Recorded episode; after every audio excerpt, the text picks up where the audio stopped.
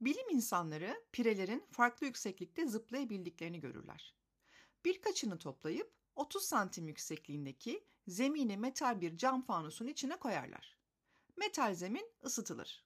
Sıcaktan rahatsız olan pireler zıplayarak kaçmaya çalışırlar ama başlarını tavandaki cama çarparak düşerler. Zemin de sıcak olduğu için tekrar zıplarlar. Tekrar başlarını cama vururlar. Pireler camın ne olduğunu bilmediklerinden kendilerinin neyin engellediğini anlamakta zorluk çekerler. Defalarca kafalarını cama vuran pireler sonunda o zeminde 30 santimden fazla zıplayamamayı öğrenirler. Artık hepsinin 30 santim zıpladığı görülünce deneyin ikinci aşamasına geçilir ve tavandaki cam kaldırılır. Zemin tekrar ısıtılır. Tüm pireler eşit yükseklikte 30 santim zıplarlar. Üzerlerinde cam engeli yoktur. Daha yükseğe zıplama imkanları vardır ama buna hiç cesaret edemezler. Kafalarını cama vura vura öğrendikleri bu sınırlayıcı hayat dersine sadık halde yaşarlar. Pirelerin isterlerse kaçma imkanları vardır ama kaçamazlar. Çünkü engel artık zihinlerindedir. Onları sınırlayan dış engel kalkmıştır. Ama kafalarındaki iç engel varlığını sürdürmektedir. Bu deney canlıların neyi başaramayacaklarını nasıl öğrendiklerini göstermektedir. Bu pirelerin yaşadıklarına cam tavan sendromu denir. Cam tavan sendromu ya da belki öğrenilmiş çaresizlik de diyebiliriz. Ya da Necip Fazıl'ın dediği gibi ya çaresizsiniz ya da çare sizsiniz. Bir şeyin imkansız olduğuna inanırsanız aklınız size bunun neden imkansız olduğunu kanıtlamak üzere çalışmaya başlar. Ama bir şey yapabileceğinize gerçekten inandığınızda aklınız yapmak üzere çözümler bulma konusunda size yardım etmek için çalışmaya başlar. İşte yeni konumuzda tam bu tanıma uygun. Cam tavan sendromu.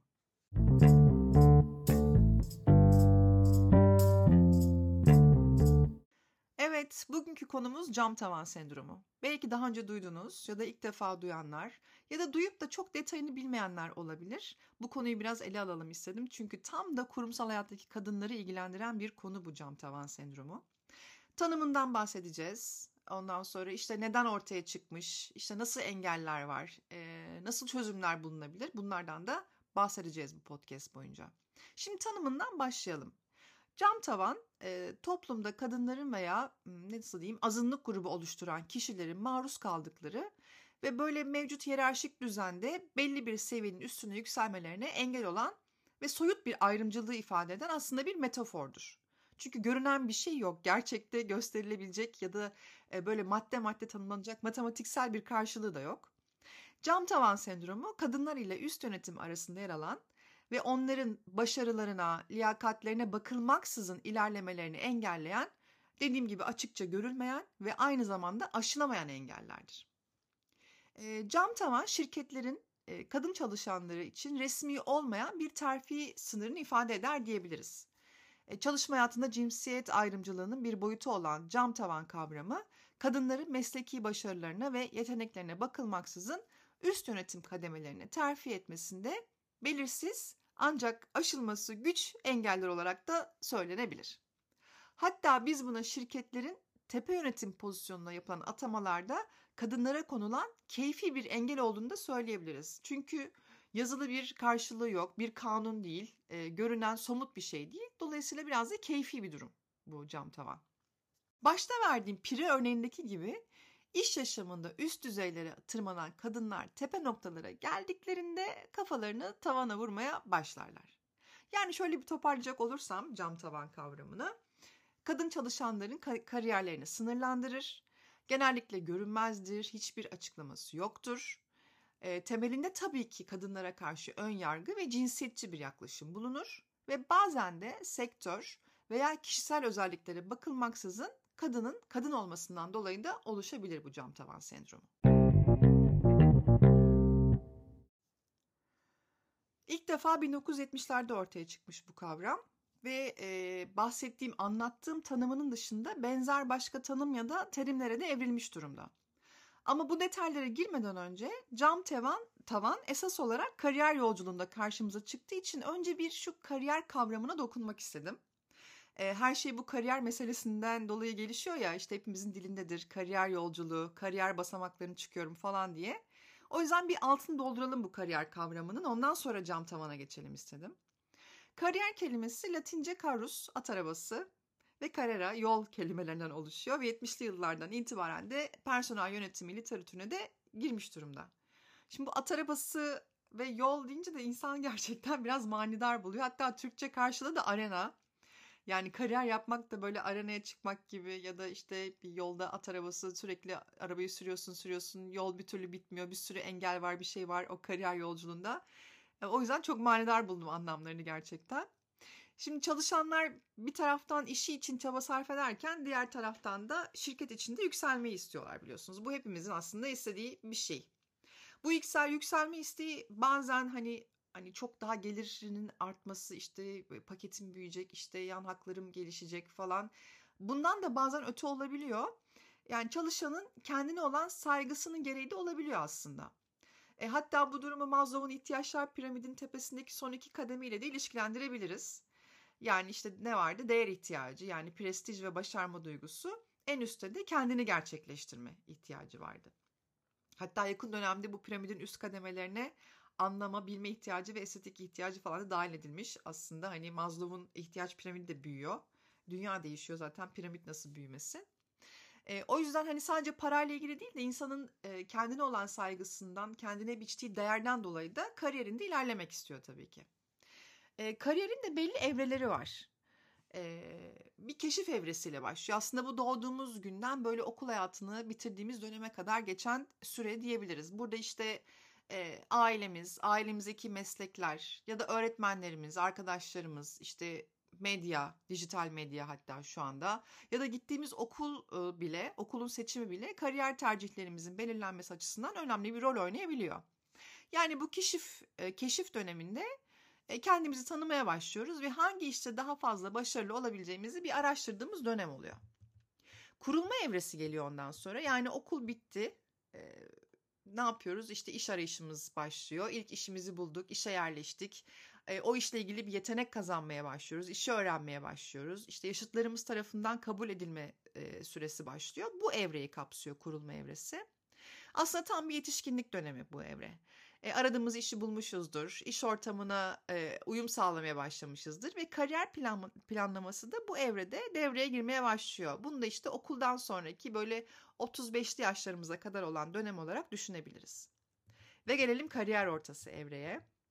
Bu evre kişinin ya kendi iş yerinde ya da başka şirketlerde farklı görevlere geçme ve iş değiştirme dönemi. Bu aşamada kariyer çalışanlar için büyük önem taşımaya başlıyor. Daha önceki kariyer sonuçlarını gözden geçirdiği bir dönemde olabiliyor. Yeniden planlamalar yapılıyor. İşte amaçlarda bir takım değişiklikler yapmak gerekiyorsa onlar yapılıyor falan. Aslında kariyerimizin en önemli evresi bu kariyer ortası evresi. E, bu da 50 yaşa kadar falan sürebiliyor. Sonra kariyer sonu evresi başlıyor. Bu da işte tam e, 50'li yaştan artık emeklilik dönemine kadar olan süre diyebiliriz buna. Geç kariyer düzeyde denilebiliyor bu evreye. Kişiye genellikle bir parça rahatlama geliyor ve tecrübeli bir çalışan rolü oynama imkanı da sağlıyor. Yani artık siz o şirketin en tecrübelisinizdir. Size herkes saygı duyar. Belki işte siz 50 yaşındasınızdır, ekip arkadaşınız 35 yaşındadır, müdürünüz 40 yaşındadır ama ekip arkadaşınız müdürünüzden çok belki daha çok size saygı duyar, size danışır, size sorar. Öyle bir evre. Ee, onun dışında dediğim gibi hani bir rahatlama dönemi de geliyor yani artık ben hiçbir şeyi değiştiremem yani müdür nasıl istiyorsa öyle yapayım. E, şirket bu kararı vermiş artık ben ne yapsam boş ver zaten kariyerimin de sonundayım artık falan gibi bir rahatlama e, evresi oluyor bu bence en keyifli evre.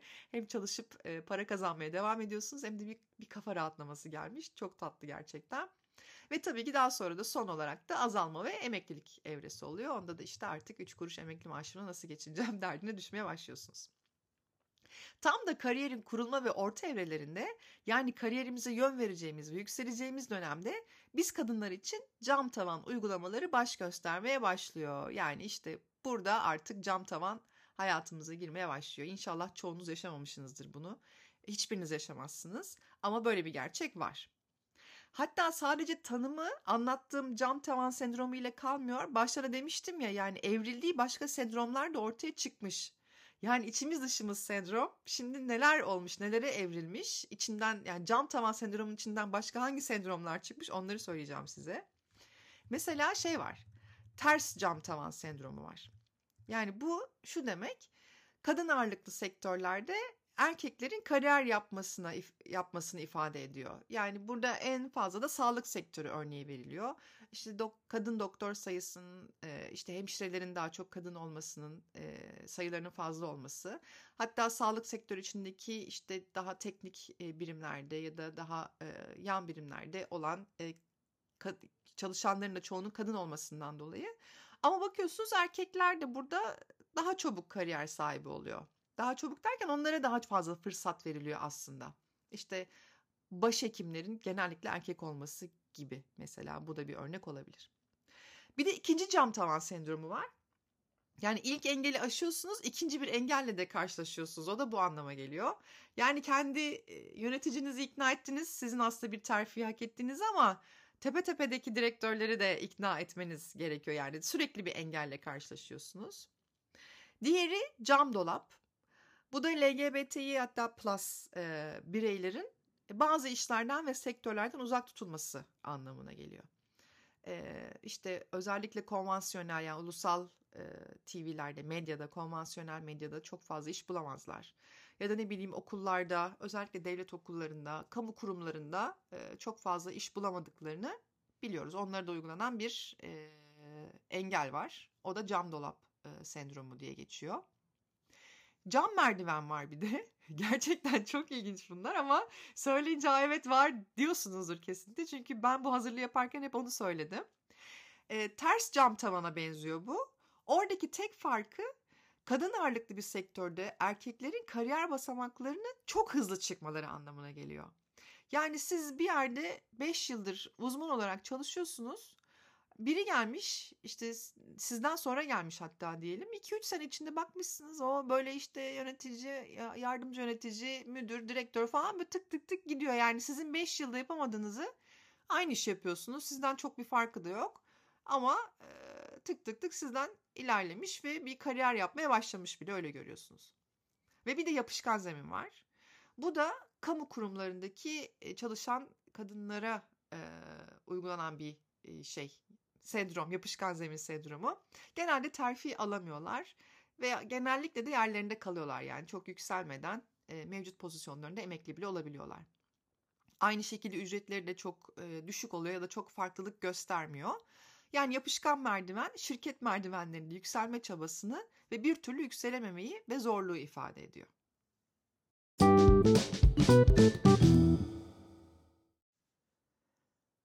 Peki kadınların kariyer yapmasına görünmez bir bariyer, bariyer olan bu cam tavanın engelleri neler? Bir ona bakacağız. Nasıl engeller var yani? Nelerle karşılaşıyoruz da kafamız camlara, cam tavana çarpıp duruyor daha doğrusu. Buna üç şekilde bakabiliriz. Bir tanesi erkek yöneticiler tarafından konulan engeller.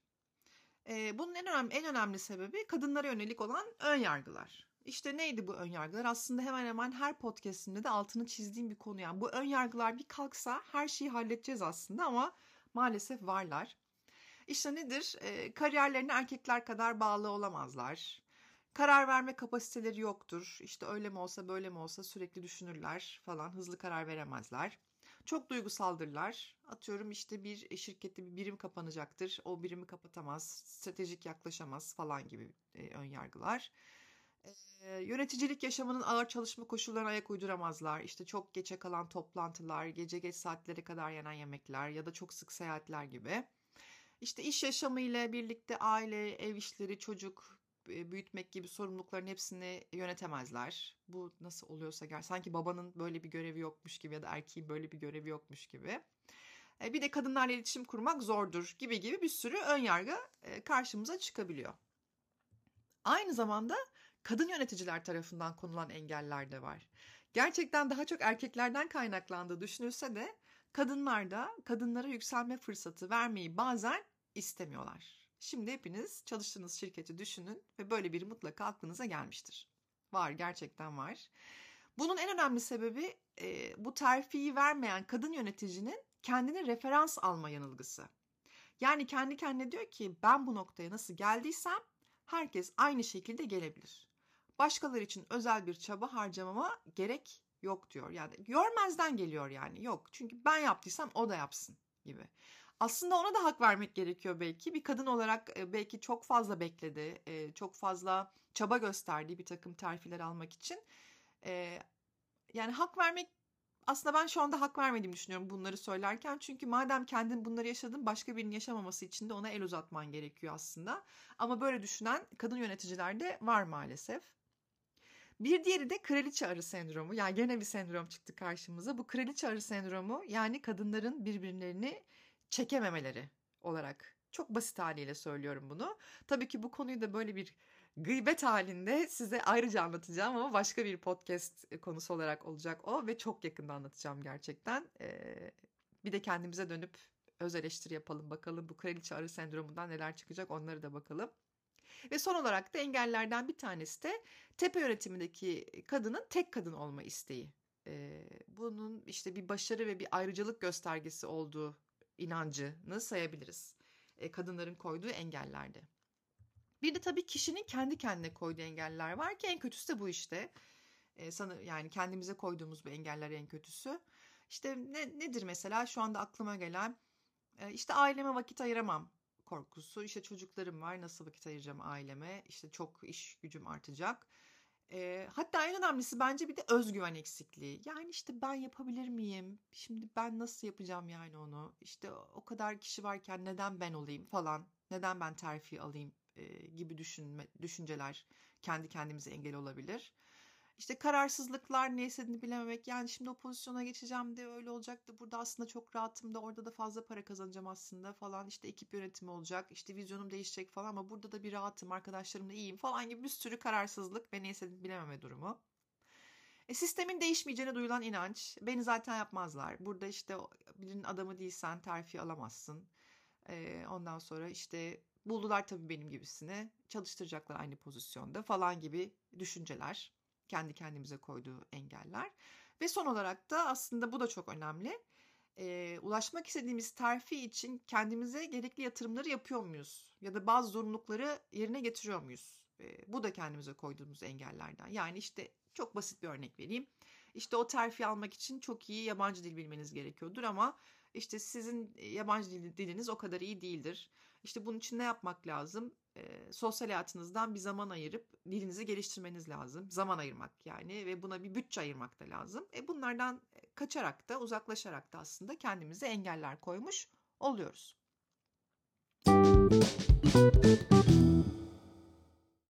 Her şeyin bir sonucu olduğu gibi cam tavan sendromunun da yaratacağı bazı sonuçlar olacak tabii ki. Mesela çalışan kadın açısından ya da çalışan açısından bakarsak ilk sonuç motivasyon kaybı olacak ve peşine işe yabancılaşma başlayacak. İşte benim burada ne işim var? Bu işi yapsam ne olur? Yapmasam ne olur? Ee, sonra iş arayışları, iş değiştirme falan gibi süreçlerde bunu takip edecek ve tabii bu neden olacak? İş yerine olan güveni bitmiş olacak. Bununla karşılaşan e, kadınlar için söylüyorum bunu. Şirketler açısından da e, yine katlanılması gereken bazı sonuçlar olacak.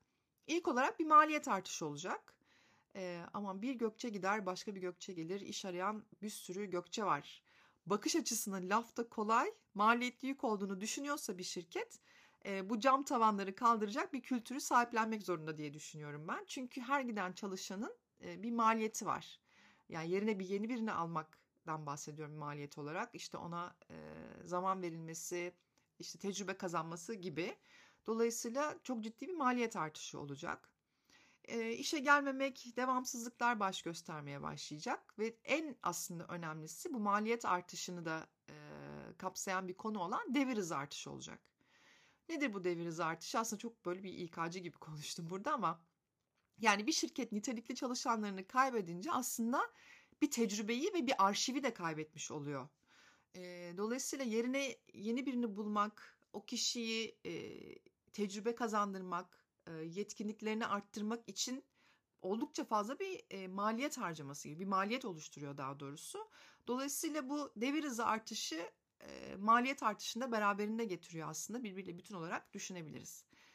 Yani nitelikli bir çalışanı kaybetmek, tecrübeyi ve arşivi kaybetmekse bu şirketler için gerçekten önemli bir yük olacaktır. Şirketlerin bunları da düşünmesi gerekiyor mutlaka.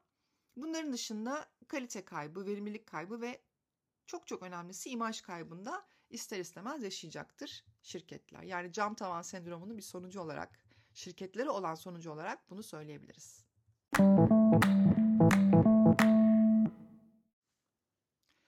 Peki cam tavanı kırmayı ne dersiniz? Neler yapılabilir ona da bir bakalım. Ee, bunu hem toplum tarafında yapılabilecekler hem de kadın çalışanın kendi kendine yapabilecekleri olarak değerlendirmek istiyorum ben. Daha kapsamlı yapılması gerekenler için şunları söyleyebilirim. Aslında şu anda yaptığım gibi hepimiz cam tavan diye bir şey var. Kadınlar terfi almada ve üst düzey atamalarda, yükselmelerde engelleniyor. Bunu çok fazla konuşmak, anlatmak hatta şirket çalışanlarının ya da şirketteki İK'cıların, kurumsal iletişim departmanlarının buna önem vermesi ve bu cam tavanları kırmaya yönelik bazı politikalar geliştirmesi gerektiğini düşünüyorum ben. Yönetim kurullarına ya da bir patron şirketi ise patronlarını ikna etmeleri ve buna yönelik bazı çalışmalar yapmaya ikna etmeleri gerektiğini düşünüyorum. Ee, işte cinsiyet ayrımcılığını gidermeye yönelik bazı zeminler hazırlanabilir. Yani bu hem e, hükümetler tarafından hazırlanabilir hem de çalıştığımız şirketler içerisindeki o bahsettiğim insan kaynakları gibi, kurumsal iletişim departmanları gibi birimlerin e, bu zeminleri hazırlaması gerekiyor. Yine kadın erkek eşit iş kanunlarının uygulanması gerekiyor. Daha e, gözle görülür, yazılı hale geçmiş kanunların yer alması gerekiyor. Bu gene hükümetler tarafından yapılabilecek bir durum. E, terfi ettirmelerde şirketlerin eşit fırsat ve yaklaşımlar sergilemesi gerekiyor. Yani buna göre bir kurum kültürü oluşturulması gerekiyor. Bu gene şirketlerin tepe yönetimlerinin, hele ki tepe yönetimlerdeki e, kadın yöneticilerin buna çok ciddi el atmaları gerektiğini düşünüyorum ben. ben. Peki bizler yani kadın çalışanlar e, neler yapabilirler? E, öncelikle güçlü bir eğitime sahip olmamız gerekiyor. Yani e, kendimizi geliştirmemiz sadece bu okul hayatıyla ilgili söylemiyorum bunu. Yani mesleki açıdan da kendimizi sürekli geliştirmemiz gerekiyor. Yani işte ben 10 yıldır çalışıyorum, her şeyi biliyorum gibi bir yaklaşımda olmamak gerekiyor. İşte dil, yabancı dilimiz eksikse tamamlamak. İşte bir yazılımı çok iyi bilmiyorsak onu iyi öğrenmek. Ee, onun dışında daha işte ekip yönetimiyle ilgili, insan ilişkileriyle ilgili almamız gereken eğitimler varsa. Yani hem kişisel hem de mesleki anlamda ki tüm eğitimlerimizi tamamlamak ve tam donanımlı olmamız gerçekten önemli. Bizim de bunları yapmamız gerekiyor. Ve özgüvenimizi konuşturmamız lazım. Yani böyle e, güçlü bir kişisel ve mesleki eğitim de bunu sağlar. Ama beraberinde iyi bir performans göstermek de özgüvenimizi oldukça destekler. Yani hem işimizi iyi yapacağız gerçekten savsaklamadan. E, işin hakkı neyse onu yerine getirmek gerekiyor.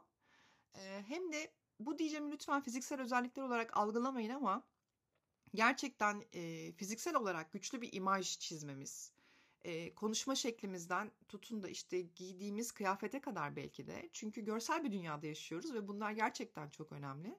Ama bunda kastım yani kadının kilolu olması ya da kısa boylu olması falan gibi bir şeyden bahsetmiyorum. Ee, güçlü bir özgüven yaratacak bir imaj e, çizmesi ve bunu konuşmasına ve diksiyona da yansıtması gerekiyor. Bunları da biraz çaba harcamamız gerektiğini düşünüyorum ben. Bunlar da tam olmalı. Ee, onun dışında mağduriyet duygusuna da kapılmamalıyız. Yani bana zaten terfi vermezler ki ben zaten diyeyim ki çok uğraşıyorum da olmuyor falan gibi mağdur edebiyatı da yapmamak gerekiyor eğer gerçekten hani alabileceğimiz o terfi alabileceğimize e, o atamanın gerçekleşeceğine inanıyorsak mücadele etmemiz gerekiyor. Yani hiçbir inancınız yoksa her şeyi denemişsinizdir ve gerçekten artık olmuyorsa o zaman yine mağdur edebiyatı yapmadan başka çözümler bakmak gerekiyor. İşte o bu fırsatı verecek başka bir şirkete geçmek de bunlardan bir tanesi olabilir. Gene davranışlarımız çok önemli. Aslında bu özgüvenle de bağlantılı bir şey. Yani böyle pasif pasif bir şeyleri beklememek lazım. Yani oturduğumuz yerde e, yokmuşuz gibi silik bir çalışan olarak kalırsak bizi birinin fark etmesi ve bizi hani bir terfi için bir pozisyonda yönetim pozisyonunda düşünmesini beklememiz biraz saçma olabilir gerçekten. Dolayısıyla etkili olduğumuzu e, ve iş hayatında önemli bir yerde olduğumuzu gösterecek davranışları da göstermemiz gerekiyor bu anlamda. Aslında bunu da hemen şununla bağlayabilirim. Network, network, network. Yani bir şirkette astı, üstü demeden herkesle ilişki ağımızı geniş tutmamız gerekiyor. Bunda yalakalıktan bahsetmiyorum. Çok ince bir çizgi gerçekten. Yani yoksa işte e, direktörümle öğlen yemeğindeyim, selfie'si, çek, kop, story'e falan bundan bahsetmiyorum ama gerçekten iyi ilişkilerde olmak. e, herkesin hal hatırını sormak bunlardan bir tanesi olabilir. İlla işiniz düştüğünde gitmemek. E, ne bileyim şimdi şirketlerin sistemlerinde, LinkedIn'de falan işte herkesin doğum günleri bilgisi bir şekilde önümüze düşüyor falan. Böyle beraber çalıştığımız insanları işte doğum gününü kutlamak olabilir. Bazen yanına uğrayıp ona bir kahve verip 5 dakika laflamak bile olabilir. Yani herkesle böyle tatlı iletişimler içerisinde olmak gerekiyor. Yani işte ben içeri girerim ofisten 8-5 işimi yapar çıkar giderim. İşte ben de birine mail atıyorsam o işte o yapmak zorunda, açıklama yapmak zorunda değilim falan gibi yaklaşımlara düşmememiz gerekiyor. İletişim dünyasında yaşıyoruz. İletişim artık çok çok önemli. Dolayısıyla bunu şirket içinde de yapmak, bu iletişimi kurmak, e, dolayısıyla da şirket içindeki network'ümüzü de genişletmek bize bir fırsat sağlayabilir. Onun dışında neler yapabiliriz? Kendimizi tanımak, tanıtmak, ne yapabileceğimizin farkına varmak. Aslında biraz da self marketing yapmak gerekiyor gerçekten. Yani e, çok önemli işlere imza attınız, başarılı sonuçlar aldınız ama bunu işte siz ve ekip arkadaşlarınız biliyor. Öyle değil. Bunu tatlı tatlı anlatmak, işte bazı toplantılara giriyorsunuz, işte dönem değerlendirdiğiniz toplantılarınız oluyor e, mutlaka işte haftalık bilgilendirme toplantılarınız oluyor. Mutlaka kendinizi ve yaptığınız işlerin başarısını anlatabileceğiniz ortamlar oluyordur. Olmasa bile talep etmek e, bu da güzel olabilir. Yani hiç öyle bir toplantı yapılmıyorsa bunu talep edip anlatırsanız e, insanlarda e, farklı bir bakış açısı da sağla, o, yakalamasını sağlayabilirsiniz gerçekten. Dolayısıyla self marketing de çok çok önemli ya da işte koçluk, liderlik, mentorluk gibi e, olgulardan da faydalanmak gerekiyor. E, daha önce de söyledim yani ben oldum. E, benim daha yapabileceğim bir şey kalmadı. Ben gayet iyiyim, işimde de iyiyim. İşte 3 kişilik ekip yönettim, e, 500 kişiyi niye yönetmeyeyim falan gibi yaklaşımlardan da biraz uzaklaşmak ve bir ihtiyacımız varsa bununla ilgili koçluk eğitimleri ya da mentorluk e, almamız gerekiyor. Eğer ihtiyaç varsa bunlardan da uzaklaşmamız gerektiğini düşünüyorum ben her türlü değişim ve yenilik hareketinde takip etmek ve uygulamak da terfi şansımızı arttırır. Yani bizim zamanımızda biz böyle yapıyorduk. Biz bunu böyle yapıyoruz. Şimdi bu sistem, bu yazılım geldi. Ne alaka? Böyle yapıyorduk zaten falan gibi yaklaşımlardan da uzak durmamız gerekiyor. Her türlü yeniliği e, şirketin e, bünyesine kattığı her türlü yeniliği de takip etmemiz gerekiyor açıkçası. O yüzden bütün bu saydığım şeyleri yapabilirsek e, bu cam tavan sendromuna yakalanmadan terfi şansımızı da arttırabiliriz diye düşünüyorum ben. Tabii ki şirketlerin de ve şirketteki karar vericilerin de yapması gerekenleri hatta devlet, toplum, hükümetler tarafından da yapılması gerekenleri de anlattım. Hepsi hayata geçerse bu e, cam tavan sendromu herhalde e, lügatımızdan çıkar ve uzun sürede girmez diye düşünüyorum.